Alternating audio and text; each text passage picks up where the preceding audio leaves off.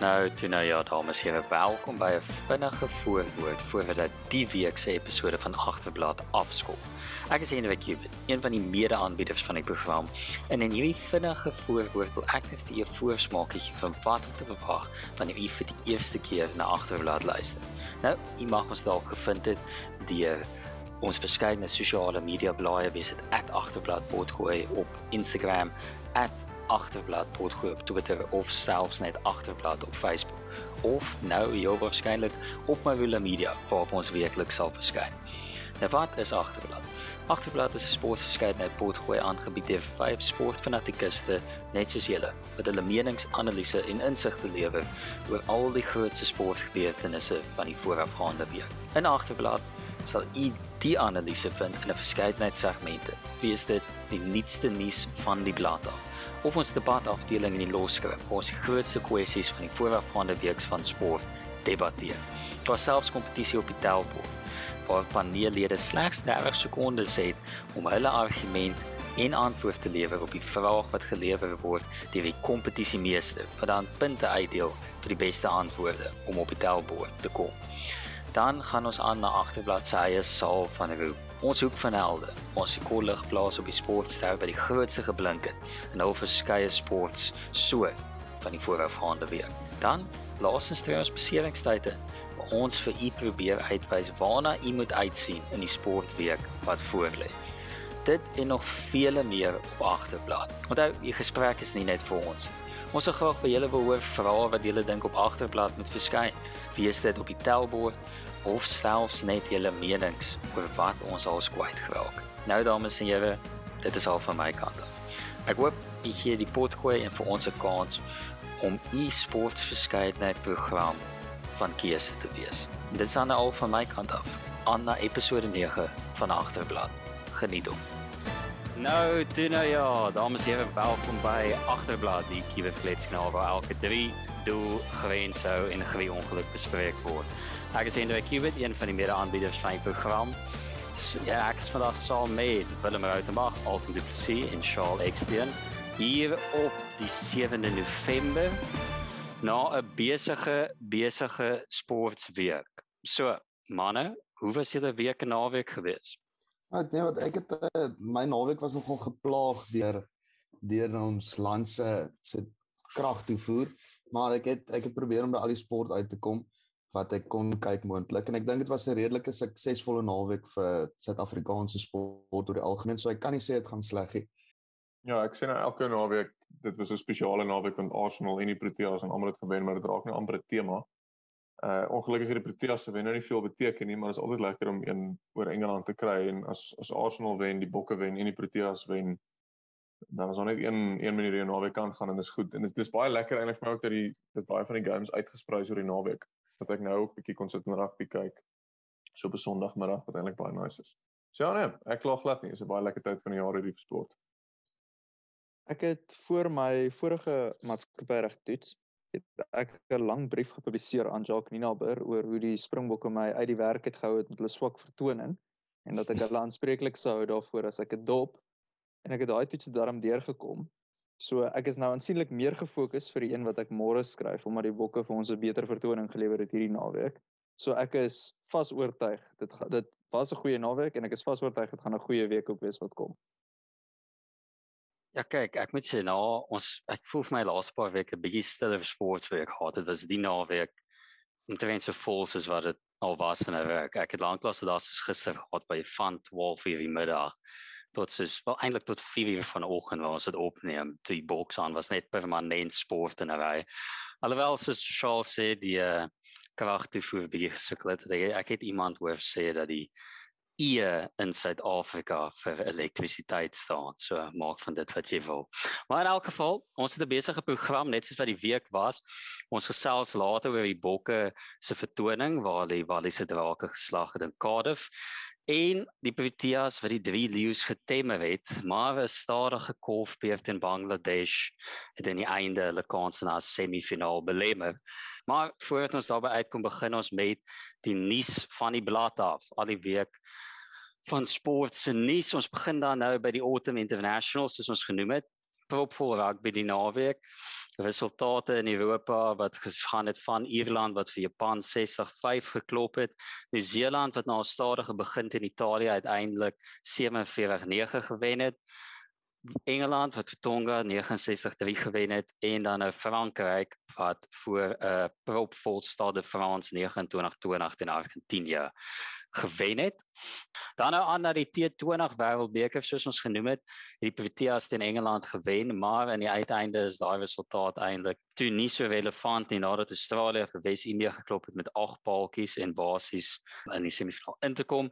Verder vandag het Nieu-Seeland vir Afghanistan geklop om ook tot die semifinaal fase toe te beweeg en nou is dit net 'n uiteinde waar ons wag om te kyk of Pakistan vir Skotland kan klop om dan 'n eerste in daardie groep te wees om dan ons semifinaal wedstryde finaal en al in plek te. Verder gaan ons na die Premier Liga nog 'n propvol naweek daar gewees. Resultate wat uitgestaan het is United het 2-0 verloor teen City tuis by Old Trafford waar hy druk weer eens gesit word op 'n Ole Gunnar Solskjaer wat nou week na week gaan voordat hy op agterblad gaan verskyn as sy nuwe pos. Maar tot in die tyd vir ons hierdie report gooi opneem is hy nog steeds die afrigter van Man United. Verder het Chelsea 1-1 gelyk op gespeel teen Burnley. Tottenham in hulle eerste game met Antonio Conte as afrigter het 0-0 gelyk op gespeel teen Everton en Arsenal het 1-0 teen Watford gewen.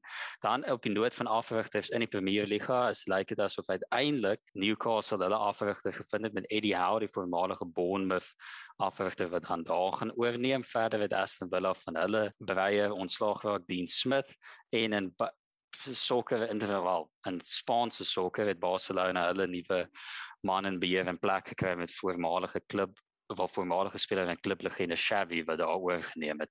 Dan vinnig by die boks het ons gesien het Canelo Alvarez vir Caleb Plant geklop het in Las Vegas met 'n uitklop hou in die 11de ronde om dan nou die onbetwiste middelgewig kampioenskap te neem waar hy dan nou al vier van die grootste sanksieorganisasies se belde gelyktydig besit. Dit is die WBA, WBC, IBF en WBO middelgewig kampioen om dan sy plek as 'n legende in die sport net weer eens um te verewig en dan vinnig op UFC noot Kamaru Usman in sy tweede geveg teen Colby Covington weer eens baas geraak met met 'n wen na 'n uh, unanimous decision na 5 rondes om nog steeds die welterweight kampioen te bly. Dan manne beweeg ons dan nou uiteindelik na die loskram en soos ek gesê het begin ons dan by die bokke wat weer eens afgeskop het waar hulle laas geëindig het met 'n wen uh 2318 om vir die eerste keer in Cardiff vir Wallis te klop vanaf 2013. Wat het ons daarvan gemaak? Shaal ons eerste toets van 3 in die noorde. Hoe het jy gedink het die bokke gevaar?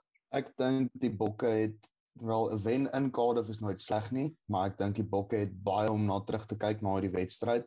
Dit het vir my um half 'n bietjie 'n klokkie gelei na ons vorige vertonings en wedstryde waar ons verloor het teen Australië en Nieu-Seeland waar ons baie sloppy gespeel het en ons was hier die ou bokmasjien wat ons aan gewoond is. Ek dink baie uh, bokondersteuners sien nie uit na volgende naweek nie, maar ek is tog positief. Ek dink as ons ons span reg kan kies, sal ons ver kom. Ja, ek dink dit was ek weet ek dink mense het al vir meer eensidedige wedstryd verwag na Wallis se vertoning teen New Zealand, alhoewel dit bietjie van 'n ander span was wat in hulle uitgedraf het. Willem, wat het jy gemaak van die wedstryd? Wat het vir jou uitgestaan as jy mens kyk na die uh, statistiek van die wedstryd? So dit was uh, dit was vir my 'n uh, op tye 'n frustrerende game, maar dit was nie 'n wedstryd wat ek dink veel anders uitgespeel het as wat as wat meeste van ons gedink het dit gaan nie. Dit was uh, jy weet in baie mate redelik uh, is ek wil amper sê 2019 wêreldbeker semifinaal 2.0. Uh en as jy as jy na ons laaste 5 wedstryde gaan kyk teen hulle was die die wenmarge basies 5 3 9 2 en 2. Ehm um, so dit so dit is baie duidelik dat dit altyd 'n redelike naby affære is as ons teen balle speel. Hulle is die Six Nations kampioene. Hulle is 'n baie goeie span. Ja, hulle het 'n paar mense gemis. Maar as jy na die statistiek van die wedstryd kyk, dan wil dit amper voorkom asof ons die game baie meer gedomeineer het as wat die tellbord op die einde gewys het en dis tot op Charles se punt, dis nou eintlik dissipline wat ons vang op kritiese tye veral vir by die die die losgemaal. Uh daar het ons baie strafskoppe afgestaan op die afbreekpunte en dit het ons te duur uh, duur te staan kom of amper amper nou baie duur te staan kom. So as jy gaan kyk na die statistieke, ons het uh, 60% territory gehad oor die game. Ons het 57% possession gehad. Ons het 318 meter gehardloop teenoor Walle se 142. Ons het net 91 duikslae eh, gemaak teenoor Walle se 140. Ons het 'n sukseskoers van so 85% gehad en soos ons nou al voorheen bespreek het, uh is dit 'n dis die dis min of meer die persentasie waar ons wil wees wanneer jy wanneer jy toetsrak speel.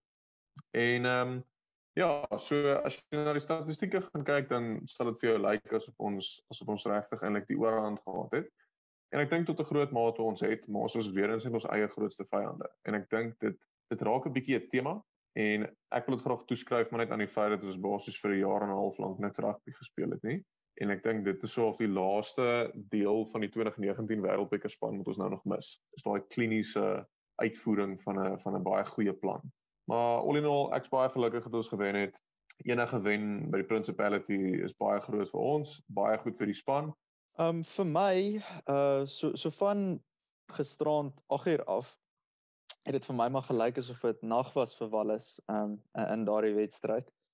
Maar ehm um, op op 'n meer ernstige noot, ek het dit so 'n bietjie gitar se kragonderbreking op my foon probeer dophou, maar weens Stellenbosch se uh, konnektiwiteitsprobleme was dit maar so half ek sien die balle nou so jantjies se hande en dan sien ek my hierse ander kant by Wallis. Ehm um, maar toe toe ek nou met Willem gepraat het, dit het sy wedstryd opgesom. Dit ek dink ja, jy het nee, lek gehad. ek dink dit was vir neem ek maar dis maar hoe dit gegaan het. Ja. Ehm um, so So so ek dink ehm um, van my beperkte insigte van die wedstryd en van die extended highlights af dink ek daar is baie wat ons nog aan kan verbeter. Ek dink ek sou nog wil sien dat ons bietjie meer opwindende rugby speel, bietjie meer flair. Ehm um, ek het gisteraand toe ons krag herstel is, die Frankryk-Argentinië game gekyk en dit was my so half wow, want dis nie waar ons eintlik gewoond is mee nie. Ehm um, maar soos ons sê, dis 'n wen is 'n wen in Wallis die weer was ook baie sleg geweest en ek verneem hulle kon nie die dak toe maak nie weens die ehm um, weens COVID. Uh, maar ek dink dis so half ons het die game gewen. Ons kan beter speel as dit. Maar een van die kenmerke van 'n kampioenspan is maar dat jy wen selfs al is jy nie op jou beste nie. Ehm um, so ek dink dit is goed om te sien op die einde van die dag. Ja, ag ek dink dit is goed om te sien dat ons dat ons kon deurtrek en nog steeds op die ou ende ek gaan nie sê dit was 'n goeie wedstryd van die Springbokke nie. Dit was dit was gemiddeld, maar omdat ons so baie kwaliteit in ons span het, het ons dit op die einde deur getrek. Baie dankie vir ons klein. Maar ehm um, ja, ek dink wat ek wel opgelet het is dat as ons losskakel nie inspirerende spel speel nie, as ons as Pollard of of Jantjies bietjie stil is, dan sukkel die bokmasjien om aan die gang te kom en ek wil ook ja, ook hê dit moet 'n trend raak nie. So ek uh, gaan weer eens die kaart moet speel dat ons vir Andre Pollard op 12 moet sit. Maar ja, dit is ek het dit agtergekom baie vinnig in die wedstryd dat ons agterlyn gaan vandag weer gee vir Andre, gee vir Damian en hoop vir die beste. Ek ek sou graag die punt wil maak dat ons uh, die ene Willie Leroux gemis het op 15 die naweek. en um, snaaks dat sy plaasvervanger die man of the match was. dit is dit is vir hom. Wel een van ja, sy plaasvervangers. Ja, net net 'n toeval. Ehm um, maar nee, kyk Franstein was dink ek die, die perfekte ou vir 'n wedstryd soos soos hierdie, maar ek dink wat dit hmm. ook gedoen het is om basies bietjie lig te skyn op die feit dat Willie Leroux 'n groot rol speel in hoe ons aanval ook want hy is een van ons weet sleutel playmakers en as hy nie daar is nie Franstein is 'n ongelooflike speler en hy's hy's een van die ouens wat ek dink die beste wil ek amper sê sy spel lig as hy 'n springbok trui aantrek. Jy kry ouens wat net nie met die druk kan kan cope in 'n Springbok trein nie en dan kry hy ouens wat hulle game net na die volgende vlak toe vat en hy's hy vat dit omtrent 4 5 vlakke boontoe. Hy hy lyk vir my amper baie keer as hy klap rugby speel so vir as hy vir die Cheetahs speel is daar niks spesiaal in hom nie maar dan as hy 'n Springbok trein aantrek is hy net hierdie ou wat met ongelooflike rugby speel. So ja, ag kyk ek dink ehm um, ek dink ons het vir Willie se se se playmaking gemis en maar ek dink nie noodwendig dit is die regte game daarvoor nie. Veral nie as dit so reën nie. Jy weet, jy kan nie die bal heeltyd rondslinger nie. Ja, kyk, um ek dink op die noot of of die noot van Frans Steyn. Ek dink net dit is so vlak van ervaring wat hy bo wees het. Ons het al gesien sy onderhoud na die wedstryd. Hy's so cool en kalm oor alles. Waar van vroeër is eers keer dat hulle vanaf 2013 nie wen en hy antwoord net met ek het nog nooit die verloor nie so. En ek dink verder as ons gaan net fokus op wie vir ons nog uitgestaan het in 'n op 'n positiewe noot. Wat ek graag wil hoor, maar ek het gedink ek dink ons is bietjie harsh in die sin dat ek dink soos ek sê ek dink die wedstryd in Nieu-Seeland het half weer indruk geskep dat Wallace so maklik is van as te klop wat nooit regtig die geval is nie. Ek dink hulle het nogal ook 'n goeie wedstryd gespeel en ek neem aan hulle opskrifte vandag handel oor ons beste verdediger, daai toeskouer wat op die veld gaan lê het om 'n 3 te stop. Um en 'n ander ou wat vir my uitgestaan het beregtig en wat ek dink ons sal op die program al verspreek het ons wou sien beter vertoon in 'n bokdry was Kwagga Smit het regtig uitstekende wedstryd gespeel. Hy het ook die tweede meeste tackles gegee in die game met 12 agter Loods se 15. So hy het ook vir my uitgestaan. So soos ons nou net buite Fransstein, wie het vir julle uitgestaan as ons beste vertoners? Um daar is baie om te sê oor wie hierdie wedstryd miskien goed gespeel het, maar ek voel oor die afgelope paar maande is daar drie ouens wat regtig vir my my baie goed gespeel het. Een Siakulisi, twee Eben Etzebeth en drie Lucanio Am. Nou met Lucanio daar ou op Twitter gister gesê of in vanoggend te sê maar ja, Lucanio am is die beste nommer 13 wat al ooit vir Suid-Afrika gespeel het en ek gedog dis malligheid. Klomp mense sê Jacques Fourie en uh daar is nou klomp kandidaate natuurlik, maar elke keer wat ek vir Lucanio sien speel, besef ek net hoe hoe stap bo is hy bo enige ander buitesenter wat nou in wêreld rugby speel en selfs in ons agterlyn. Eben Etzebeth is al consistently een van die beste slotte vir Suid-Afrika oor vir 'n lang tydperk en hy lyk net asof hy beter raak soos goeie wyn. En Siakulisi absolute monster. Daai ou se se handoff teen Wallace se skram of daai arme ou het verskriklik geploeg. Ehm um, so ja nee ek is ek is tevrede met met die vertonings all round maar ek dink daar's drie ouens wat wat hulle vorm van die jaar deurgedra het na 'n moeilike wedstryd toe. Ek wil net in die gesprek oor Lucania Amas uh die Springbokke se beste 13 ooit opkom vir die doring van Dispatch. Uh Dani Gerber, hy het daarom ook 'n liedjie wat oor hom geskryf is. So ek dink ons moet sy naam ook daar ingooi. Um en, en dan wil ek dit sê vir my was die wedstryd amper nie so seer oor die mense wat uitgestaan het nie, maar oor verspilde geleenthede ook vir ouens wat kansse gekry het. Ons het nou gepraat oor Kwagga wat goed vertoon het, maar Okay, dit was nou sleg.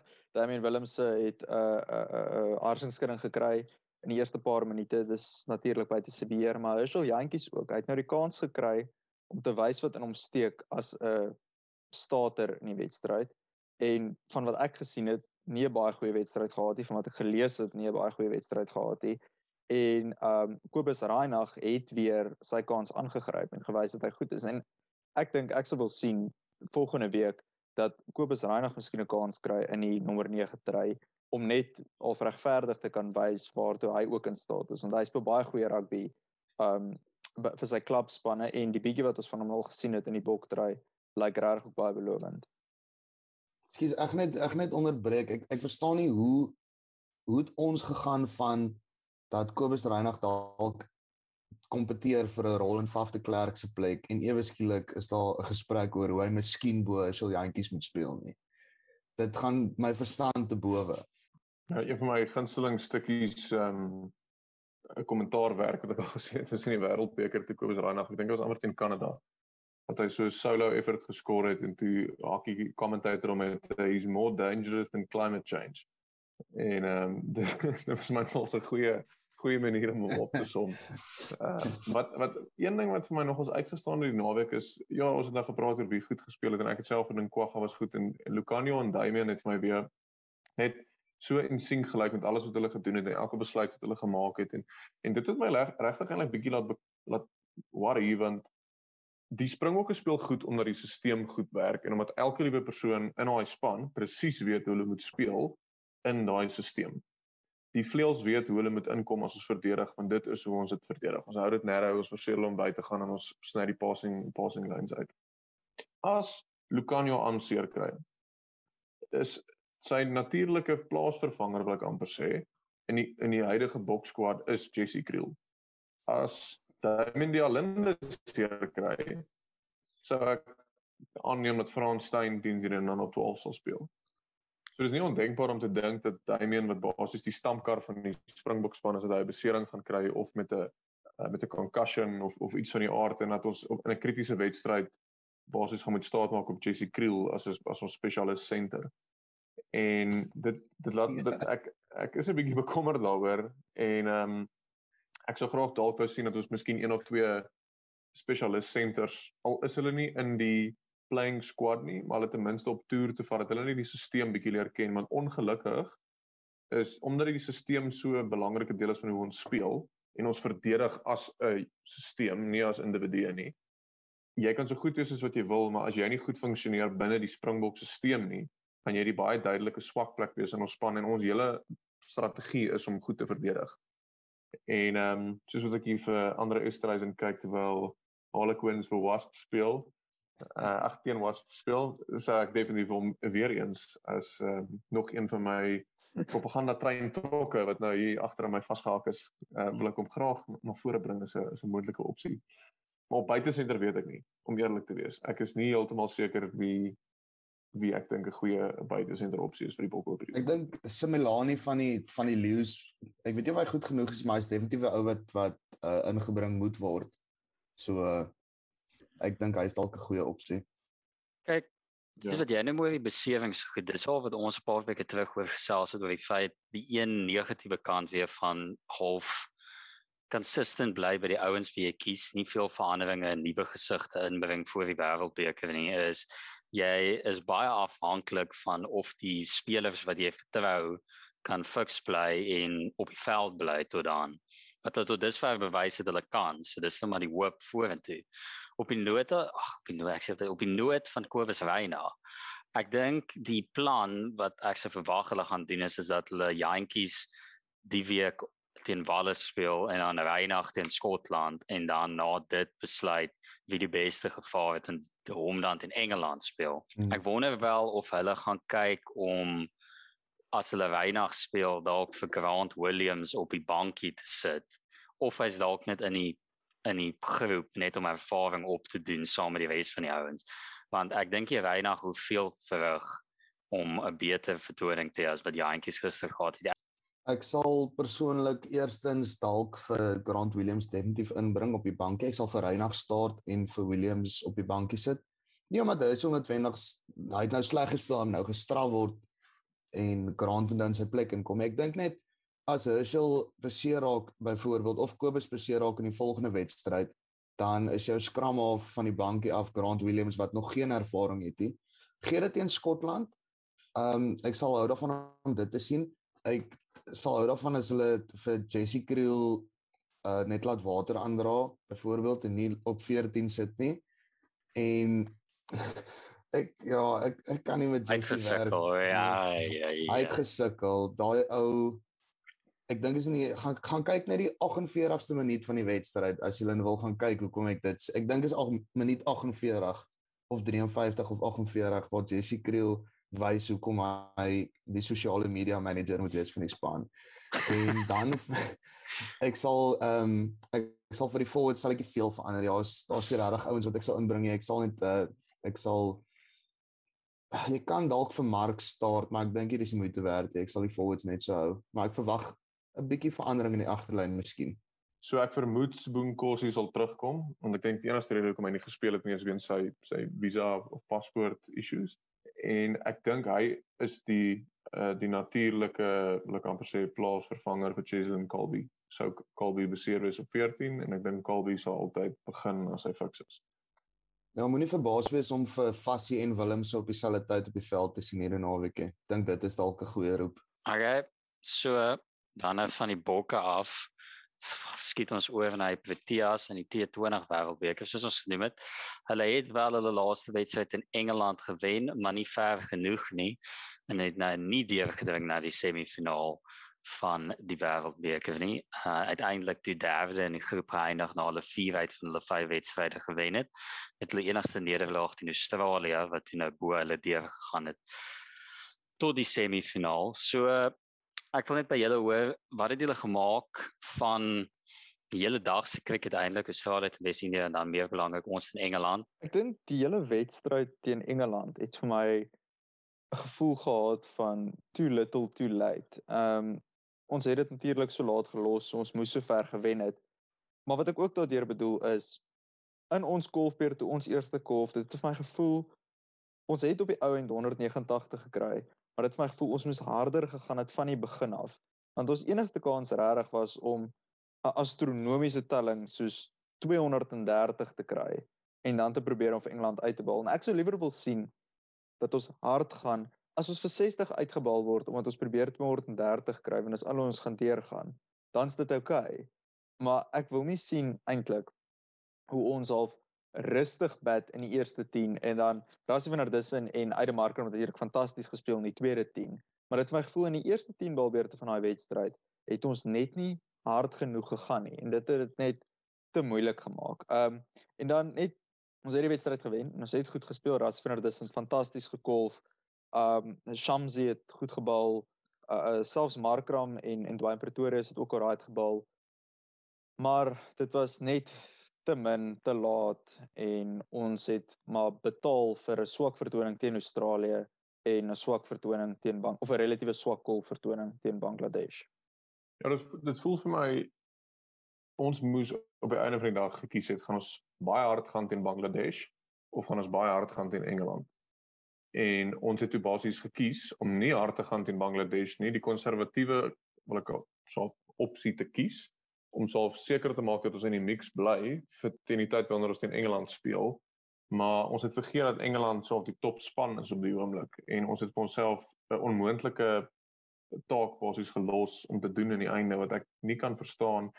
Ek kan dit verstaan. Ek kan verstaan hoekom hulle gedink het dit help ook nou nie ons probeer alles in ons mag om jy weet 80 binne 6 hours te kry in Bangladesh en dan gaan ons uit vir 76 nie. Maar jy moet daai risiko erns vat. En ek het net gevoel om daai risiko teen Engeland te probeer vat, het vir my baie minder sin gemaak as om die risiko teen Bangladesh te vat waar jy dit baie meer in jou beheer gehad het want jy het presies geweet wat jy wat jy chase wat 86 of wat ook al dit was.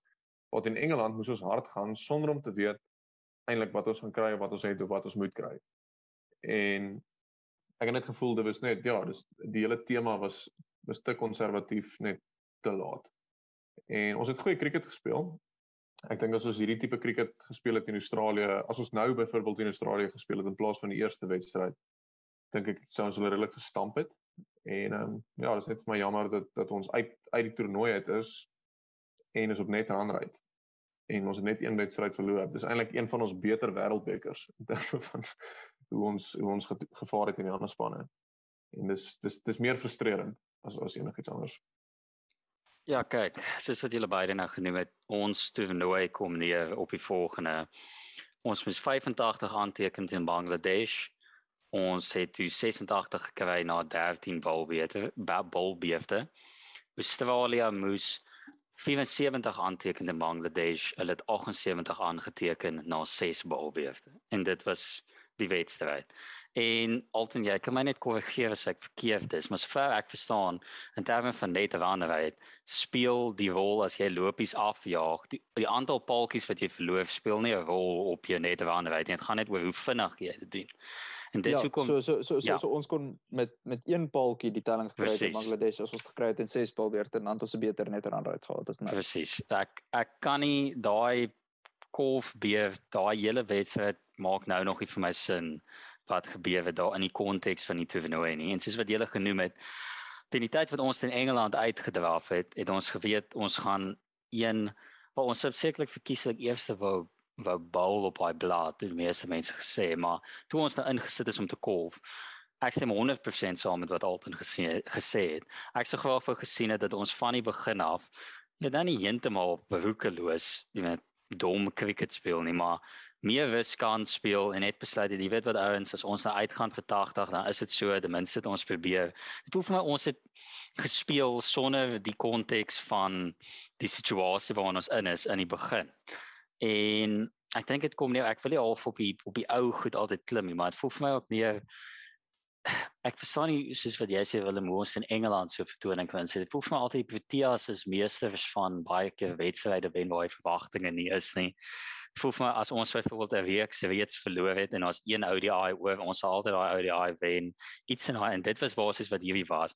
En ek wil nou nie op hom hamer nie want ek dink hy het klaar genoeg nuus gehad deur die hele toernooi en ons hoef te noem nie, maar ek gaan net die vraag daarby sit wanneer gaan Quentin de Kock in 'n groot wedstryd of 'n toernooi vir ons iets doen? Ek weet hy ek dink 33 gekry in die wedstryd. 34.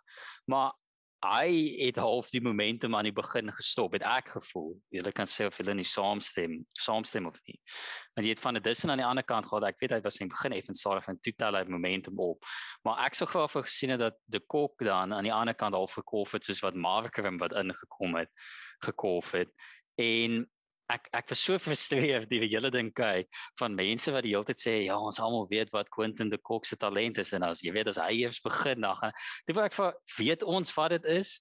Ek weet in jy weet eendag week se by Wanderers in West India gaan dit so maar in 'n wêreldbeker met groot wedstryde het hy al ooit dit voel vir my net soms word hy op die pedaal gesit van hy's of die span se AB de Villiers jy weet hy is die ou dop dop daar en ek kan nie onthou dat hy in 'n wêreldbeker al ooit 'n groot skoor vir ons aangeteken. Ek weet daar's nog tyd vir hom. Ek weet dit is nog vroeg en ek weet hy het natuurlik baie gehad om weer jy weet te deel af van die veld in die toernooi, maar ja, ek dink net hy en ja, ek weet Teresa Hendricks ook wat geopen het. Weet hy het nie regtig veel verrig gekry nie. Ek weet ek weet nie wat hulle gemaak het of hulle saamstem met daai of nie. Ek dink iets wat my nog interessant was, ek het gelees 'n paar mense skryf daaroor is dat die formaat wat hierdie wêreldbeker ingespeel is eintlik baie simpel is. Want dit meet nie eintlik hoe goed jy presteer het teen die goeie spanne nie. Dit meet hoe hard jy die swak spanne kon stamp. Want daar's 'n paar games wat of in beide groepe as Nieu-Seeland het vandag verloor teen Afghanistan wat hulle nou nie het nie, dan sou dit neergekom het op hoe ver Nieu-Seeland, Afghanistan en Indië die swak spanne Namibië en Skotland in hulle groep kon wen. En in ons groep het dit eintlik maar neergekom op hoe ver ons die swak span Bangladesh gewen het. Want ons het vir Engeland gewen wat die beste span was. Engeland het vir Australië gewen en Australië het vir ons gewen.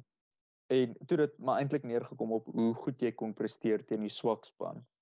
Wat ek dink 'n inter interessante formaat is, ek is seker of dit die beste een is nie. Uh, ek dink daar is miskien beter formate om regtig te sien wie die beste span is. Ehm um, maar nou ja, dan op op Quentin de Kok.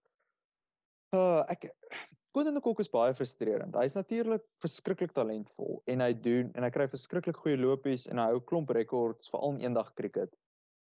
Maar in sy 14 beurte in of 13 beurte in T20 wêreldbekers het hy nou slegs 51 taal aangeteken en vir 'n aanvangskolwer is is dit nie fantasties nie. Ehm um, en ek dink die benadering gister was moeilik want met Riza Hendriks wat saam met hom open Riza het oor die algemeen nie 'n verskriklike hoë treftempo nie. Hy het definitief opgetel in in hierdie laaste jaar was sy strike rate baie hoër as van tevore, maar tradisioneel is hy nie 'n verskriklike of 'n crash boom bang golfer nie. Dit is meer of korrekte houe.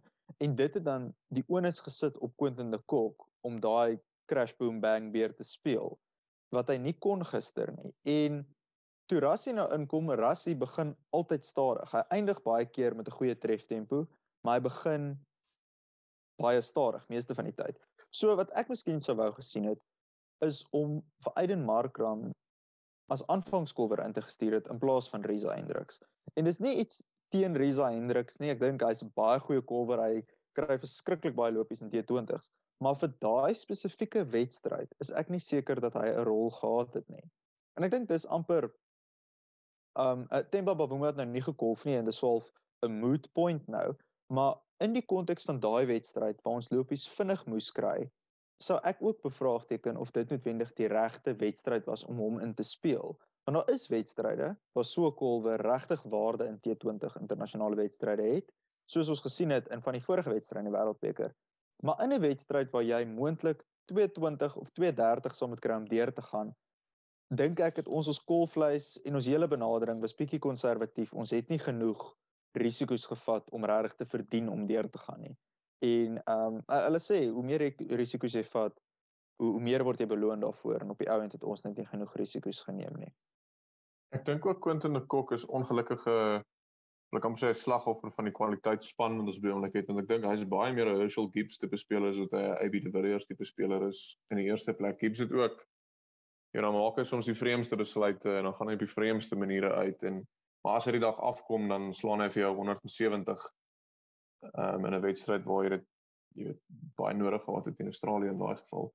En ek ek dink net ongelukkig geskoonte net die naaste wat ons het aan 'n AB de Villiers. En dis hoekom ek dink mense hom self in daai kategorie sit en hom daarmee vergelyk want hy het ook dieselfde tipe houe as AB de Villiers. Maar in terme van rol dink ek amper Markram is baie nader so 'n tipe van 'n hybrid uh tussen AB de Villiers en 'n paar van die ander manne wat in daai span was.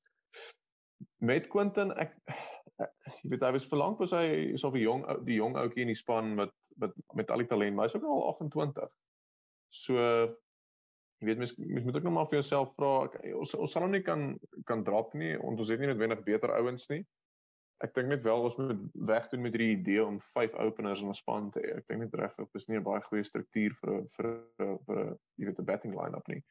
Want jou jou middelorde batsman is veronderstel om 'n bietjie ander approach te hê tot hoe hulle die game speel en hoe hulle die golfplat speel en al daai klas van dinge en ongelukkig vir ons as as ons openers nie afkom nie dan kom ons hele eerste 6 ouens nie af nie want hulle almal speel dieselfde tipe cricket.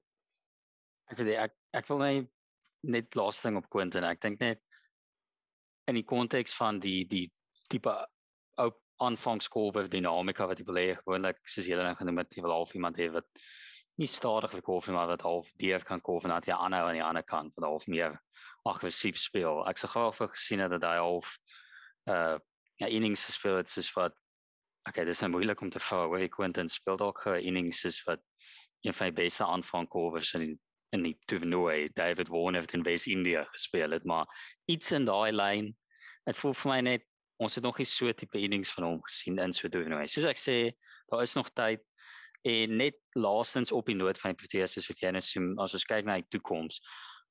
As ons kyk na die toernooi in die algemeen, sou jy sê dit was 'n sukses met die verwagtinge wat hulle gehad het voor die toernooi. En net vinnig, hoe sou jy kyk na want ons het nou nog 'n T20 wêreldbeker om die draai volgende jaar. Um, in Australië. So hoe sou julle kyk na ons kanse? Ek weet dit is bietjie ver tot dan, maar na ons kanse in daai toernooi en het ons iets in hierdie span waarvan af ons half 'n fondasie kan bou in na die toekomstige toernooie. So vir my, ehm um, ek het voor die toernooi op hierdie pot gooi gesê dit sou vir ons 'n goeie toernooi wees as ons derde in ons groep kan eindig. En ons het dit nou gedoen. So ek dink dit was 'n goeie toernooi vir ons. Ons het 'n paar goeie spanne gewen. Ehm um, ons het bietjie konservatief gespeel ons het eh, soos ons nou al die foute nou uitgewys het maar ek dink nog steeds nie dit was 'n slegte toernooi vir ons gewees nie ons het 'n goeie bal aanval dit het ons gesien um veral op daai baan blaaie ons sal met sien hoe ons bal aanval kan aanpas om in Australië te speel want dit is natuurlik heeltemal anders um met die oog op volgende jaar se wêreldbeker um ek dink as ons kyk na ander spanne in hierdie wêreldbeker dan sien ons so half waar ons span tekort skiet ek sien vandag Pakistan. Hulle het natuurlik vir Babar Azam en Mohammad Rizwan wat net die beste aanvangskolwers in die wêreld is. Maar dan het hulle ook ouens so Shoaib Malik wat vandag ingekom het en 54 van 18 balle gekry het en Asif Ali wat in die wedstryd teen um Afghanistan 5-6 in 'n oor geslaan het om vir hulle die game te wen. En ons mis dit en ek is nie seker of daar in ons plaaslike reeks sulke ouens is wat ons kan inbring nie. En ek dink dis dis eintlik die probleem.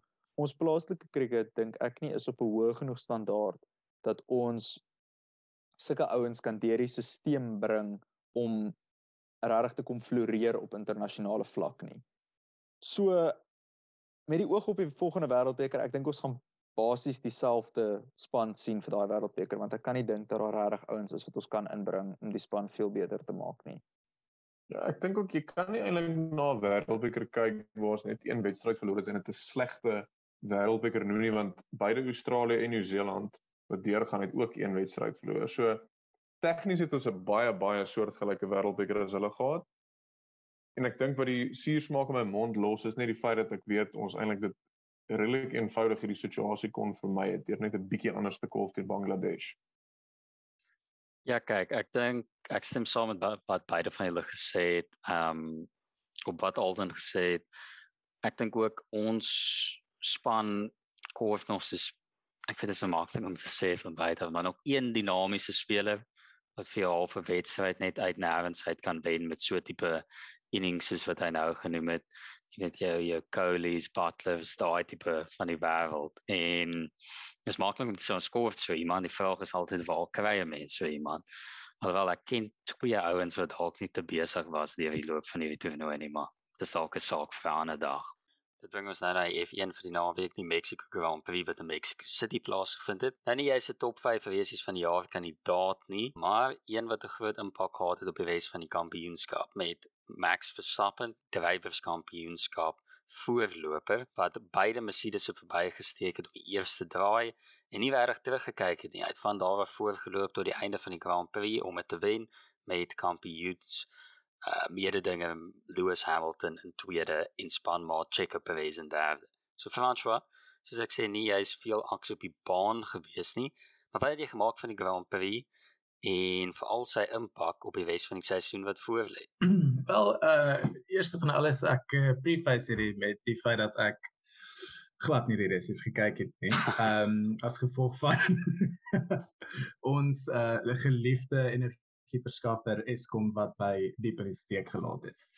So ehm um, ek het uh, na 'n klomp uh, rondgeryery in die dorp op soek na 'n plek met F1 aan. Uh op die einde wanneer die highlights so op my volg of op my foon gevolg die F1 app.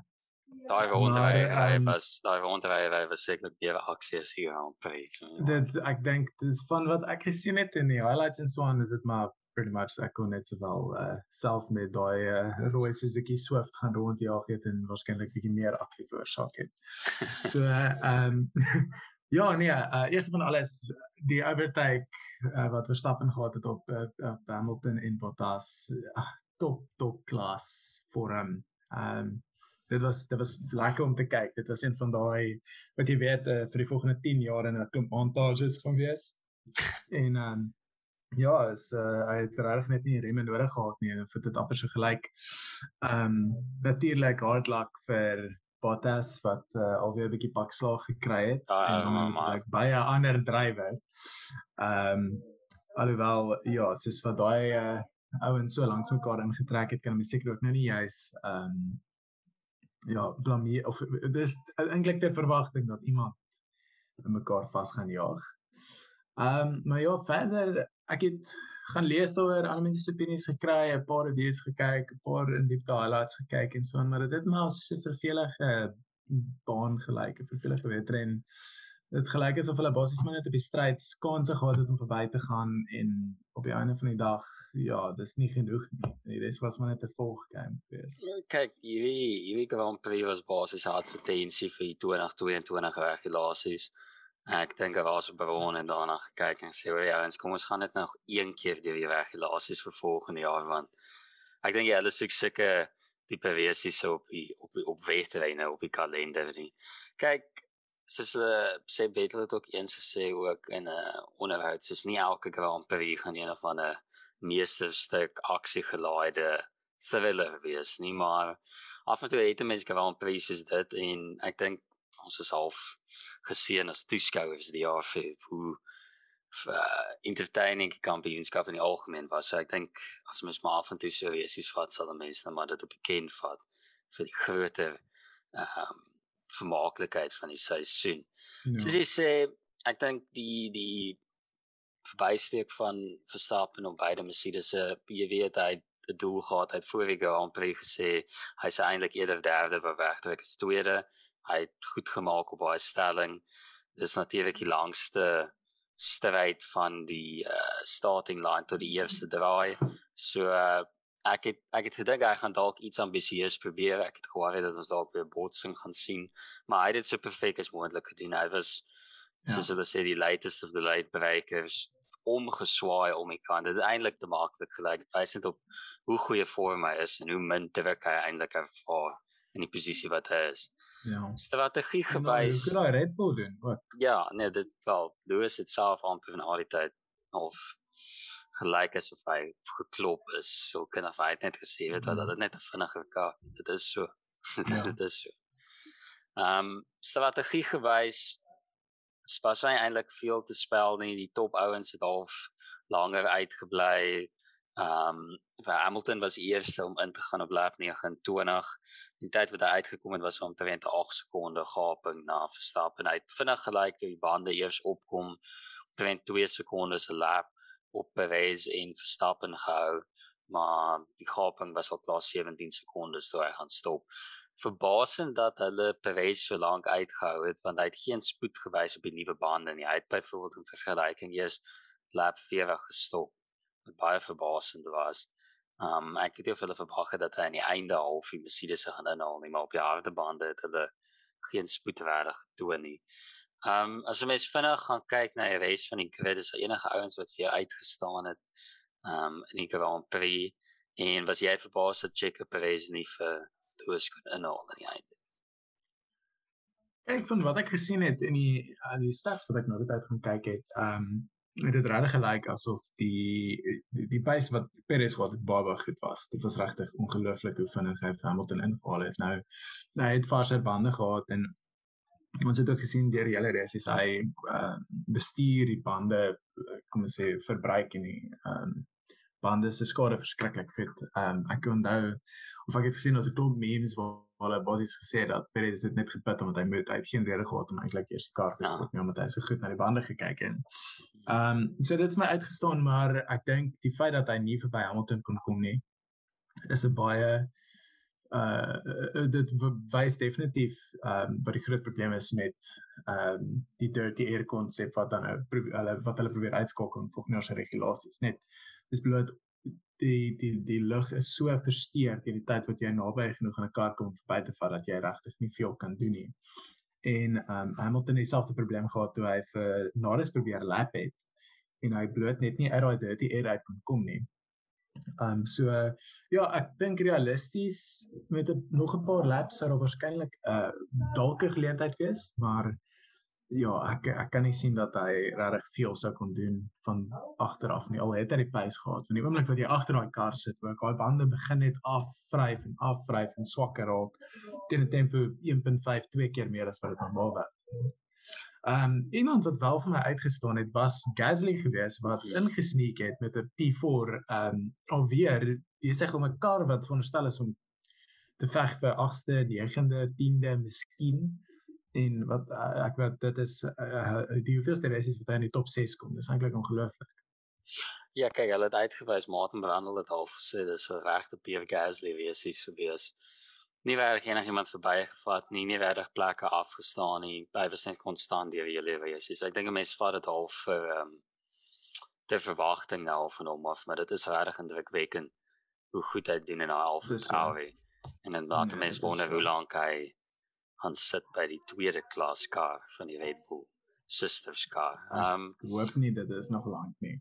Ja, self. Uh so net vinnige kyk na die kampioenskap die vier wese wat voor lê. So Verstappen sit nou 20 punte bo Lewis op die drywers ranglys en dan as mens gaan kyk na die die constructive standings is dit 1 punt tussen Mercedes en Red Bull val na Bottas nagmerrie van 'n Grand Prix. As jy kyk na Brazil vinnig volgende naweek gelukkig is daar vinnig weer 'n resies om op te maak vir die een en gewoonlik is Brazil 'n uitstekende Grand Prix. Wat verwag jy vir volgende naweek? Dink jy meer van dieselfde, Red Bull dominasie of dink jy Hamilton gaan half terugveg by 'n baan wat hy al ook sy groot aantal goeie herinneringe het? Ja, ek eh, ek het eintlik vanoggend met my pa ook uh gepraat daaroor en probeer uit uh, eintlik half net so konseptueel of 'n uh, theorize op uh, wat gaan gebeur. Kyk, ons het almal geweet die Mexico Grand Prix gaan Red Bull se kant toe swaai. Ehm um, ons dit was 'n groot upset amper geweest toe Mercedes kwalifiseer in 1 en 2, maar ek bedoel dit het nie eers een draai gehou nie. So ehm um, dit bewys dat die karre goed is daar nog steeds. Ons weet Brazil is een van Max se beste bane. Ons weet dit is wel een van Lewis se baie goeie bane ook. Hy het al 'n hele paar keer daar gewen. Ehm um, ons weet die racing is goed daar. Ons het ehm um, vir die podcast uh, ook bietjie gesels daaroor ehm um, hoe die karre dit lyk of hulle mekaar net beter volg wat maak dat daar net meer geleentheid is om verby te vat en om uh uh geleenthede te ontsluit om uh, plekke op te maak. Ehm um, my out there teorie is is dat dit as gevolg is van die camber en daai draaie. Dit is 'n verskriklike ampere uh, roller coaster tipe konsep daar van van hoeveel camber daar is en ek dink dit um, maak 'n baie groot ehm um, ja, dit het 'n baie groot invloed op die op die grip wat die karre het. En natuurlik mense kan dit sien in Zandvoort ook braai waar daai styl hellings hoeveel van 'n slingshot effek dit maak omdat jy 'n bietjie meer ehm um, wat sê wat ek sê traction het. So ek dink ehm um, ja, mense moenie onderskat hoe goed Mercedes daar is nie. Dis 'n vinnige baan. Dis 'n baie vinnige baan, low downforce. Ehm um, ek dink dit gaan naby wees, maar as ek kyk nou hierdie naweek gegaan het, dink ek Max gaan dit vat.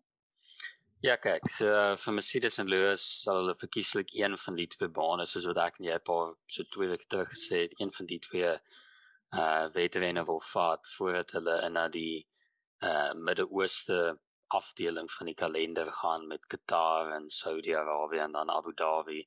Maar soos wat hulle gesê die naweek ook, dit lyk asof die vormboek eintlik by die uitheid gegooi is. Mens weet eintlik mooi wie om te verwag en wat om te verwag. Ehm um, gaan domineer op 'n betrokke naweek nie.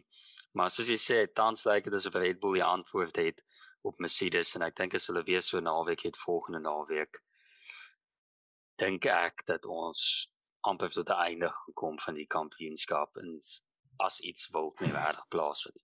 Ja, so ons sal sien of Hamilton en Brazil 'n verskyning gemaak of of Mercedes se toolbox vir die jaar weer gebeur is.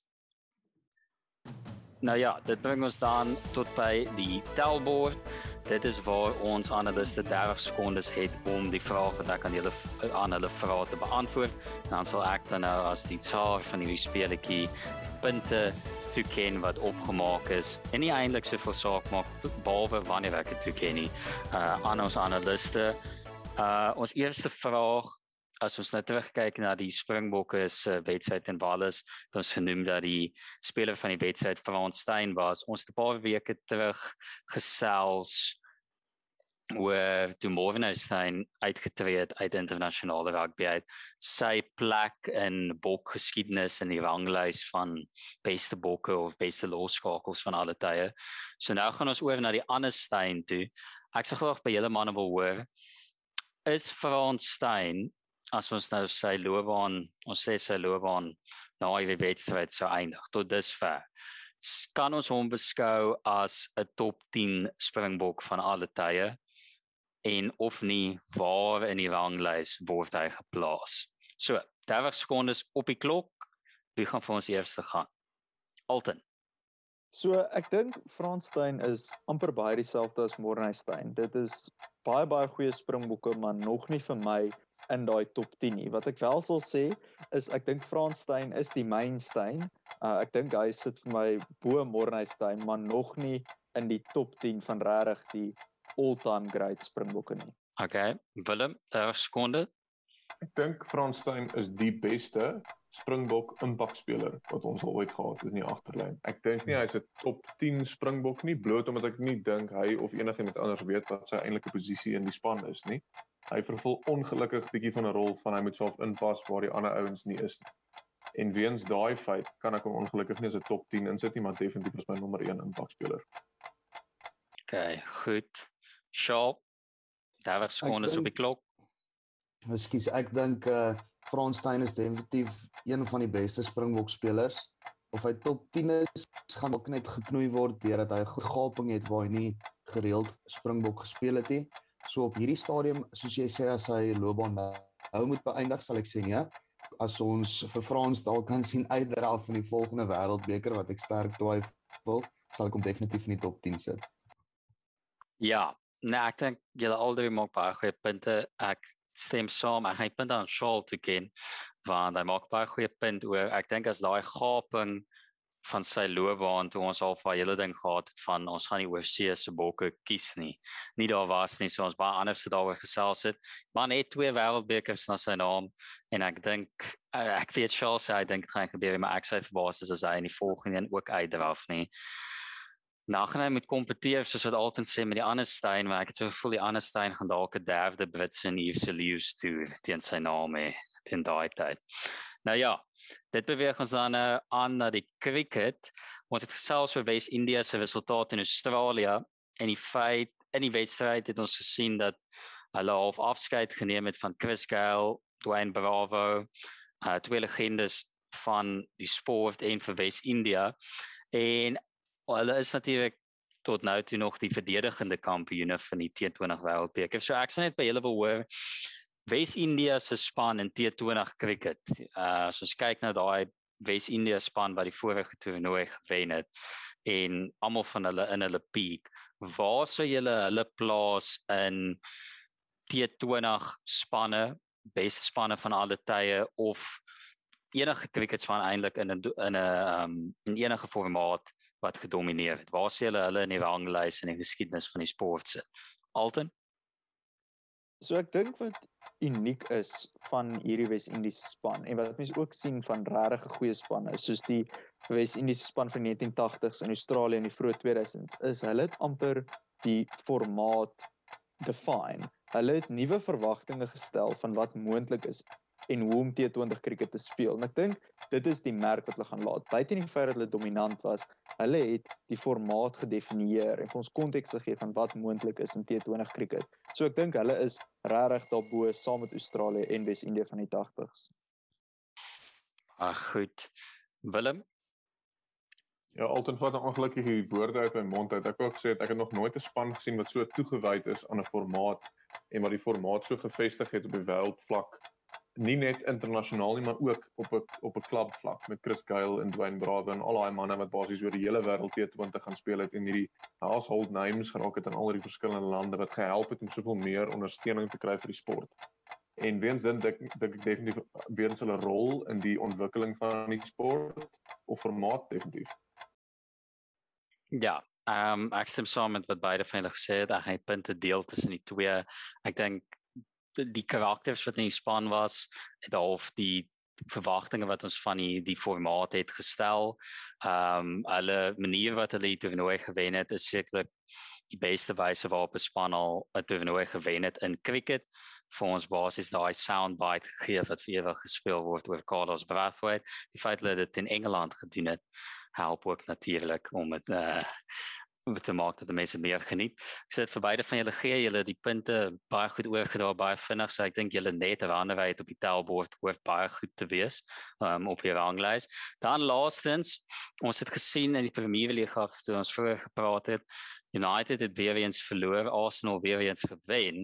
En as ons kyk na die tabel, begin die top 4 bietjie vorm te neem. So wat ek by julle wil weet is Ons almal weet, ons kan dit nou maar opstel dat die top half dieselfde gaan bly alhoewel ek dink Alton het 'n teenpunt teen dit. Meeste mense sou sê dat die top 3 gaan bly rondom City, Chelsea, Liverpool en een of ander volgorde tussen daai drie. So ek wil by julle hoor, wie dink julle as ons in Mei maand volgende jaar sit, gaan daai vierde en laaste plek vir Champions League kwalifikasie neem? So, wie gaan vir ons begin? Willem, 30 sekondes. So ek ek wil graag sê Arsenal en ek dink Arsenal het definitief 'n uh, groot kans of 'n goeie kans want hulle begin reg lekker as 'n span saam speel. Die probleem is hulle is baie jonk en ek dink Arsenal Wenger het nog gesê jy betaal met punte vir 'n jong span. So ek dink West Ham staan 'n baie goeie kans. Ek dink hulle het 'n baie soliede span, baie soliede struktuur en baie goeie spelers in al die fasette of elke deel van die op elke deel van die veld. So ek dink hulle staan 'n baie goeie kans. Ek dink wat die bepalende faktor gaan wees is as jy kyk na die top 3 spanne nou en dan soort van na die volgende paar spanne uh, uh, op die ranglys, is daar nie een van hulle wat 'n uh, manager het wat al die Premier League gewen het nie. En as jy kyk na span soos Crystal Palace wat tans in 9de sit, hulle het vir Patrick Vieira wat as 'n invincible um die league gewen het. En as jy kyk van die begin van November af, skoor hulle 2 goals 'n game en staan geen goals per game af. So ek ek dink op vorm is hulle die span um wat nie net vierde geëindig nie, maar sommer die liga gaan wen ook. Okay, wel, ek het gewonder hoe gaan Alton dit spin om Palace so in te kry. Ek dink in die tempo, ek weet nie of Alton al die nuwe wiskunde gedoen het nie, maar sy Hudson Edward voorspelling, ek dink dit trek nou al teen 'n pas dat hy 60 doele 'n wedstryd moet aanteken om by jou syfer uit te kom. So, uh, jy weet as dit nie dan staan Palace dalk 'n kans. Okay, goed. Goed. Uh twee sterke argumente van beide van julle af. Ehm um, kyk, jy weet wat net omdat ek die uiterste vlak van deluded kan ondersteun wat Alton het, sal ek die punte aan hom toe ken. Ehm um, ek het verwag hoe kreatief hy gaan wees om Palace aan te werk en hy het my nogal beïndruk met dit. So ek sal maar vir hom die punte gee en ek dink sy span gaan veel punte kry van nou tot in Mei maand neem. So dit bring ons dan net tot die einde van die tellbord dames en here en dit neem ons dan nou in na agterbladsy eie saal van 'n room ons hoek van helde waar ons ons top presteerders vir van dese week se sport wil uitwys. En manne, ek wil by julle hoor wie was julle held van die week? En ja, wie het vir julle uitgeblink in die laaste week van sport? Alton. Ek dink vir my daar kan net een man wees, die Universe Boss. Ehm um, hy het uit cricket uitgegaan soos wat hy ingekom het. Uh die man is regtig 'n legende dat hy in David Warner se sak gekyk het of hy uh skuurpapier het. Was een van my gunsteling oomblikke van die wêreldbeker en dat hy vir Mitchell Maas 'n drukkie gegee het na hy hom uitgekry het met sy laaste bal internasionale cricket was was ook 'n oomblik. Um hy pip vir my net net die uh Walliese Pieter van Sail wat op die veld gehardloop het. Um maar ja, Chris Gayle is my held vir die week. Um my held van die week is al die spelers wat betrokke was in die eerste helfte van die Frankryk-Argentinië wedstryd. Uh dit het regtig vir my gelyk na 'n wedstryd van die jaar kandidaat tot op die 40ste minuut. Ehm um, albei spanne met uitstekende rugby.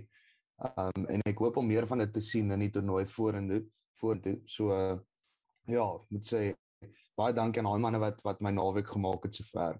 En verder as dit natuurlik ons ons ons Walliese redder aan die einde wat William Williams laat hekkies hardloop het. Ek moet sê dit was dit was ook een van die hoogtepunte geweest. Maar ek kan nie daad is 'n is 'n sportman wat wat 'n sportler wat ons nie baie oor praat nie, is tennis. So Novak Djokovic het vandag vir Medvedev gewen om die Parys Masters te wen. En hy sluit ook die jaar af as die wêreldnommer 1 vir die 7de jaar in 'n ry. Ag nee, in 'n ry nie, so 7de jaar in totaal. En alhoewel ek 'n groot Nadal fan is, kan ek definitief die ek het baie respek vir hoe Djokovic speel en wat hy bereik het en hy is nou hy het die rekord gehou saam met Pete Sampras, is die ou wat die meeste jare as nommer 1 geëindig het wat 6 was en nou met hierdie uh, Parys Masters wat hy gewen het het en en hy wat nou 7 het maak hom nou die persoon in die geskiedenis van tennis wat die meeste jare as nommer 1 geëindig het en ek dink dit is dit is nogals merkwaardig. Ja, goeie kandidaate en groot prestasies van julle almal af. Ehm um, ja, ek het dieselfde gedagtes. Ek dink Chris Gayle is 'n goeie kandidaat. Ek het gedink aan soos wat julle gesê het die Wallis se Pieter van Sail. Ehm um, ek sal hom dalk insit as Robbie Wessels dalk nog 'n liedjie oor hom sing, sodat hy oor Pieter.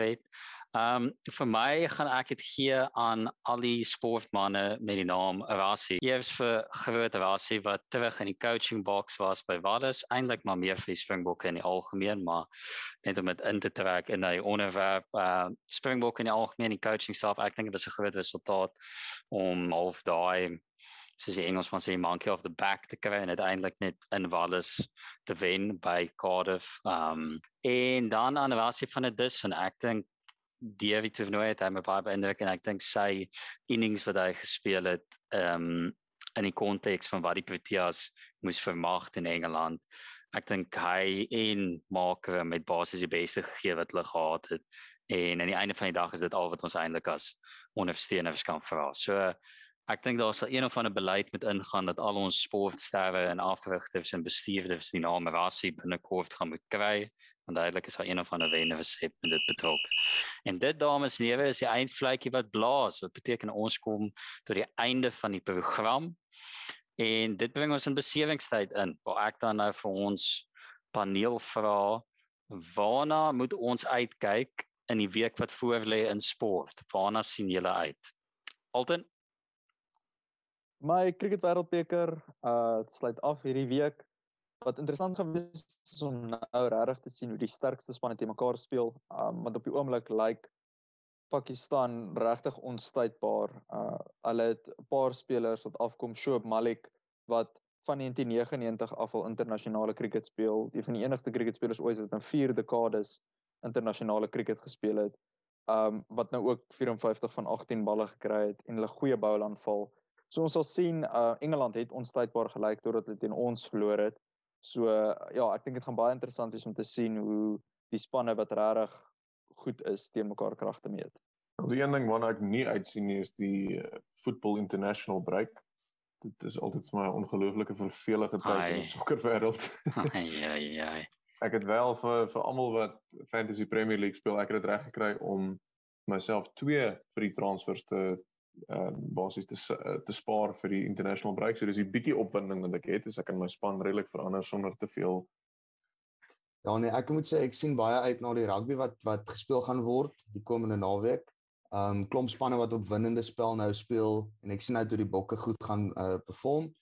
Op die terme van van golf en so is dit maar stil so die cricket en die rugby is maar die die headlines vir my vir die komende week. Ja, ek stem saam met Shaul. Ehm um, vir my ook uh twee rugby wedstryde uitstaan. Maar as ek fokus op een Ierland en Nieu-Seeland in Dublin, dis altyd 'n goeie en die gees vir dit is altyd hoog. En ek dink ek sien baie daarna. Eintlik meer die week na die daai Frankryk Nieu-Seeland wedstryd. Dit was altyd altyd vir 'n keer later aan die rugby. Dit is altyd voor dit is die prime time wedstryd wat dan aan is. Nou ja manne, besige sportweek, besige episode van Agterblad. Maar dankie sê aan julle ek wil dankie sê aan ons luisteraars wat tot die einde gemaak het. En ja, julle kan alle ander analise, opmerkings uh in als van die agterblad span kry op ons sosiale media blaaie. Wees dit agterblad potgooi op Instagram of net agterblad op Facebook en dan natuurlik die potgooi vind op alle potgooi platforms Apple, Spotify, Stitcher, jou keuse. En dan sê ek dankie dames en here tot volgende week. Totsiens.